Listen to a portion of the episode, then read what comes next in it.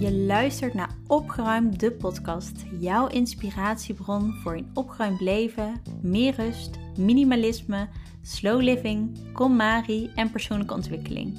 Om de week staat er weer een nieuwe aflevering voor je klaar. Door middel van deze podcast wil ik jou inspireren om meer te leven met minder en een leven te leiden dat joy sparkt. In deze aflevering gaan we het hebben over rommel.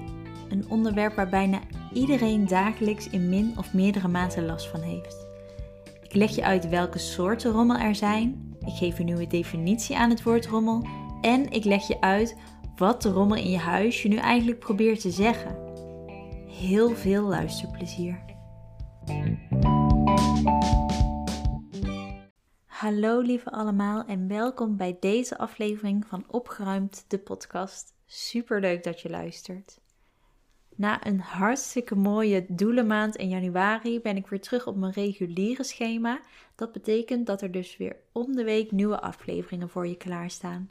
En voordat we echt gaan beginnen met mijn verhaal over rommel, wil ik eerst nog even over afgelopen maand zeggen dat ik echt enorm heb genoten van de doelenmaand en hoe jullie daarin meeleefden ben echt ontzettend dankbaar dat ik zoveel lieve luisteraars heb mogen inspireren om van 2021 een fijn jaar te maken. En ik vind het echt zo leuk dat jullie mij jullie 21 voor 2021 lijstjes hebben gestuurd. Mij hebben getagd in jullie 30 dagen selfcare experimenten en dat ik in mijn DM meerdere visieborden heb mogen ontvangen. Echt zo leuk.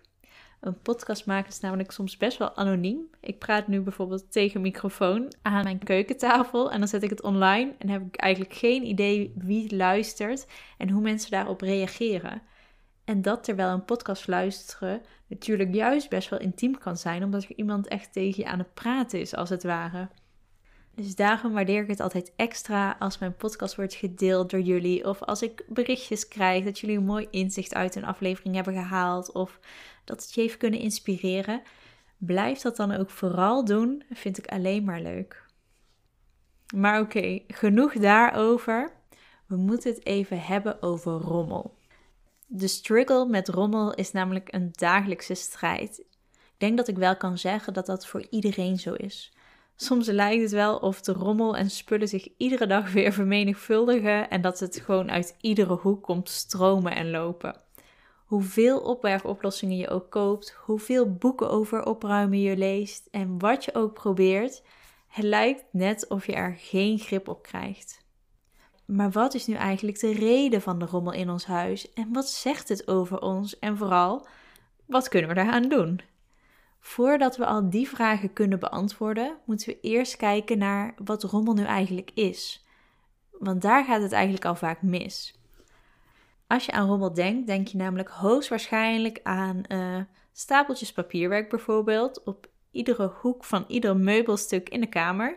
Of een stapel kleren op de overloop. Of een rommelige kledingkast of speelgoed dat door heel je woonkamer verspreid ligt. Dat is denk ik hoe de meeste mensen rommel voor zich zien. Ik heb ook weer even het woordenboek erbij gepakt voor je om te zien hoe het daar wordt omschreven. In het woordenboek staan twee omschrijvingen bij rommel. Nummer 1 is boel die overhoop is, dubbele punt, rommel maken.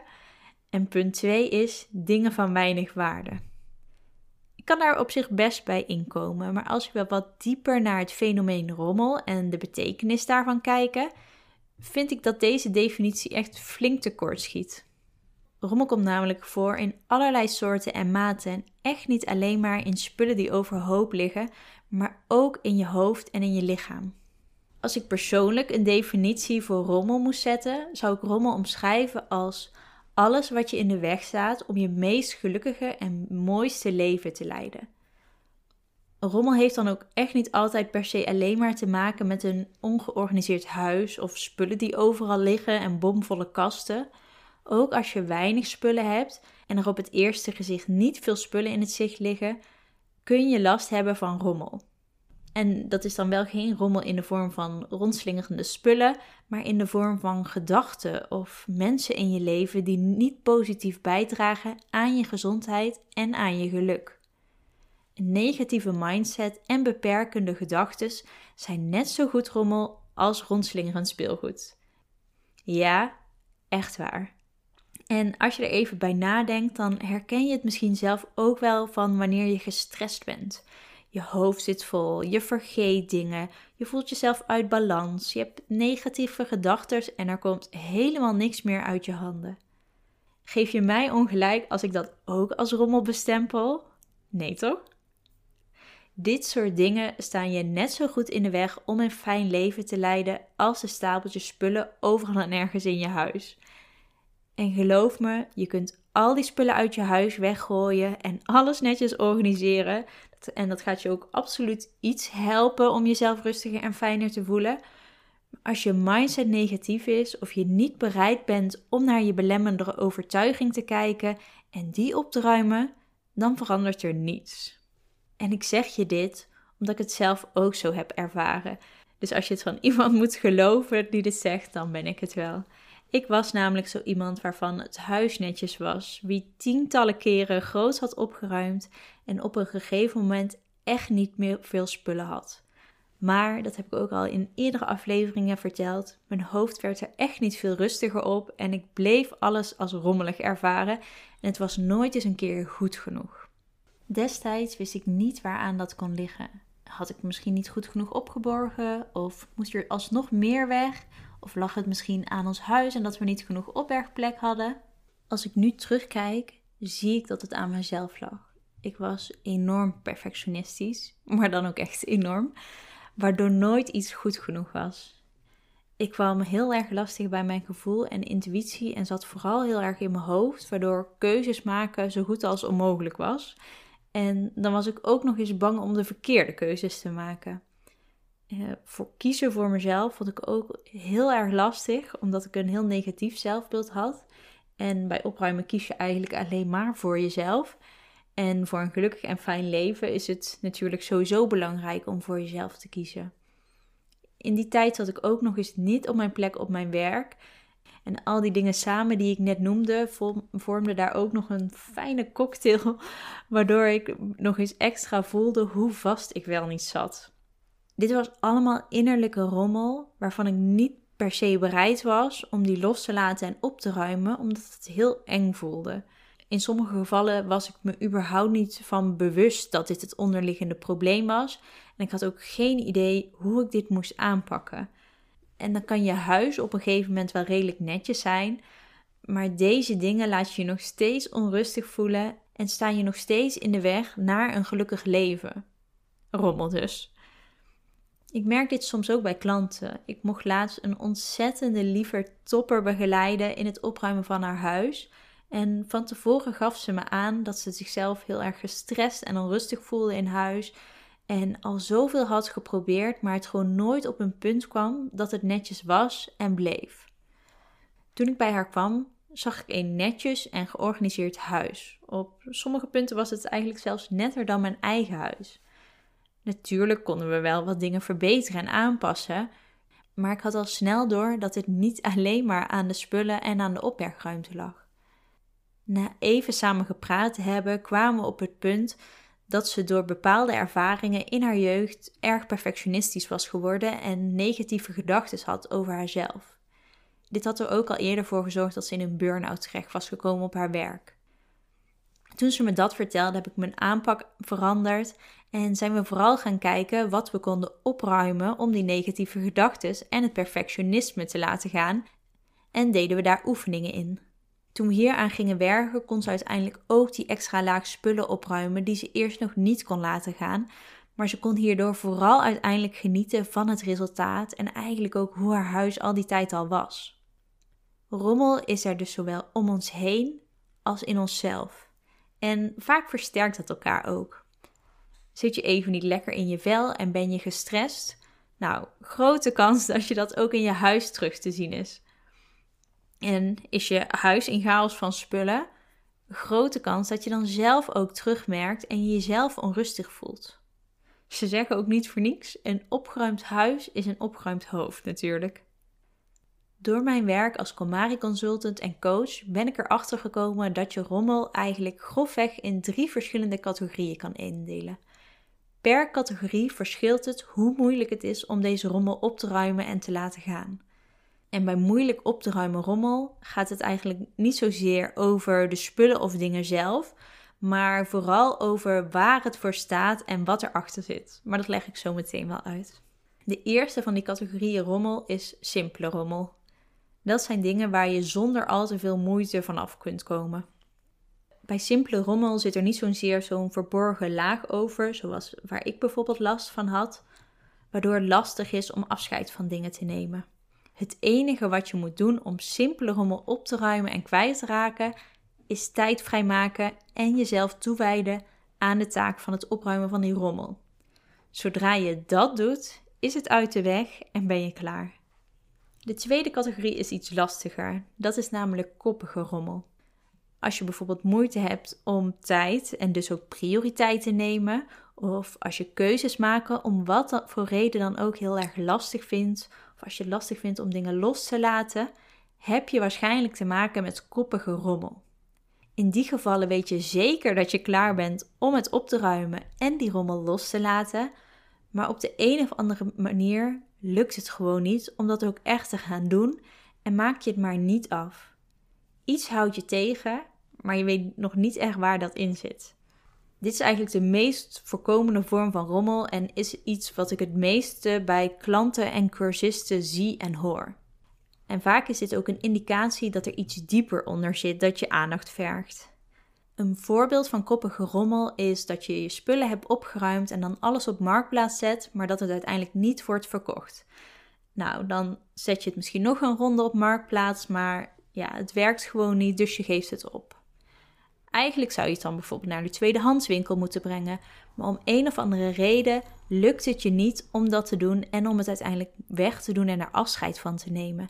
Dus zet je ze bijvoorbeeld op zolder, waardoor de zolder steeds voller begint te worden en je bij de volgende opruimronde weer precies diezelfde spullen tegenkomt en je jezelf steeds afvraagt waarom je dit in hemelsnaam aan het doen bent, want het kost je alleen maar moeite en er verandert niks en je komt continu dezelfde spullen tegen. Dit mag je zien als een teken dat er meer onder zit, dingen waar je aan mag werken. De laatste categorie van rommel is hardnekkige rommel. Dat zijn de diepere problemen die onder die koppige rommel liggen. Die problemen vormen de bron van alle rommel en is de reden achter dat het niet lukt om het op te ruimen en alles op orde te krijgen.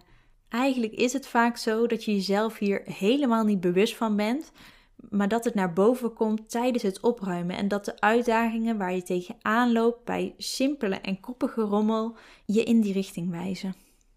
Dat waren bij mij dus dingen als perfectionisme, de angst om verkeerde keuzes te maken en het mezelf niet waard vinden. Pas toen ik daaraan ging werken, kon ik toewerken naar de rust in mijn leven die ik al zo lang wou. En bij het voorbeeld dat ik net noemde over de spullen naar zolder verplaatsen, kan het bijvoorbeeld zijn dat je de dingen niet kan loslaten. Of dat je het zonde vindt om spullen weg te doen, of jezelf daar misschien schuldig over voelt omdat er een belemmerde overtuiging onder zit. Zo'n belemmerende overtuiging kan bijvoorbeeld zijn dat je jezelf schuldig voelt om gekregen spullen weg te doen, omdat je bang bent dat de andere persoon erachter komt en uh, je het idee hebt dat dat dan ondankbaar overkomt.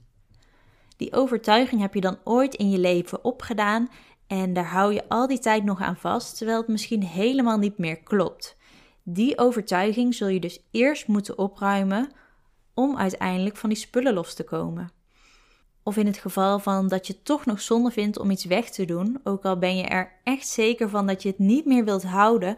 Het kan bijvoorbeeld komen doordat je bent opgevoed met het idee dat je altijd heel zuinig moet zijn op je spullen en ze altijd nog wel een keer van pas kunnen komen. En misschien werden je ouders vroeger wel boos als je iets stuk maakte. Vroeger hielp deze overtuiging je, maar nu zit hij je in de weg om je mooiste leven te leven en is het dus rommel. Als jij die spullen wil laten gaan en je niet meer zo wil voelen, moet je dus die overtuiging laten gaan en die als het ware opruimen. Ik heb het al vaker gezegd, maar rommel is echt zo'n goede leerschool over jezelf. In met welke rommel je het meest worstelt, vind je echt altijd leermomenten voor en over jezelf. Het zegt iets over je waarde en je manier van denken. En nu klinkt het misschien allemaal juist extra intimiderend en maakt het het opruimen alleen maar extra spannend, omdat je weet dat je jezelf ook kan tegenkomen Maar geloof me, als je bereid bent en het aandurft om hierin te graven en het op te ruimen, kunnen er alleen maar mooie en positieve dingen uitkomen. Ga vandaag of deze week eens nadenken over het soort rommel dat het meest uitdagend voor je is. Misschien is het wel papierwerk bijvoorbeeld, of kleding of boeken. Maar het kan ook iets anders zijn, zoals een vriendschap waar je niets meer uithaalt, of dozen die al jaren op zolder staan. Wat maken die dingen nu precies zo moeilijk? Als het enkel en alleen de tijd en discipline is om het aan te pakken, dan heb je geluk, want dan is het makkelijk. En dan is het misschien niet altijd even leuk en makkelijk om die tijd te nemen en om door te zetten, maar geloof me, als dat echt het enige is, dan ben je zo klaar en heb je zo een grote stap gezet. Maar als dat het niet is, wat ligt er dan onder en wat houdt je dan nog tegen om te beginnen? Is het misschien omdat je moeite hebt met keuzes maken of tegen jezelf zegt dat je het allemaal alleen zou moeten doen? Of misschien heb je heel onrealistische verwachtingen of zitten er belemmerende overtuigingen achter? Zodra jij begrijpt wat je rommel jou probeert te zeggen, kun je bedenken welke stappen en welke hulpmiddelen er nodig zijn om het uiteindelijk op te ruimen en kun je de weg vrijmaken naar je mooiste en gelukkigste leven dat op alle vlakken rommelvrij is. Vond je deze podcast interessant en wil je de volgende afleveringen niet missen? Abonneer je dan op dit podcastkanaal.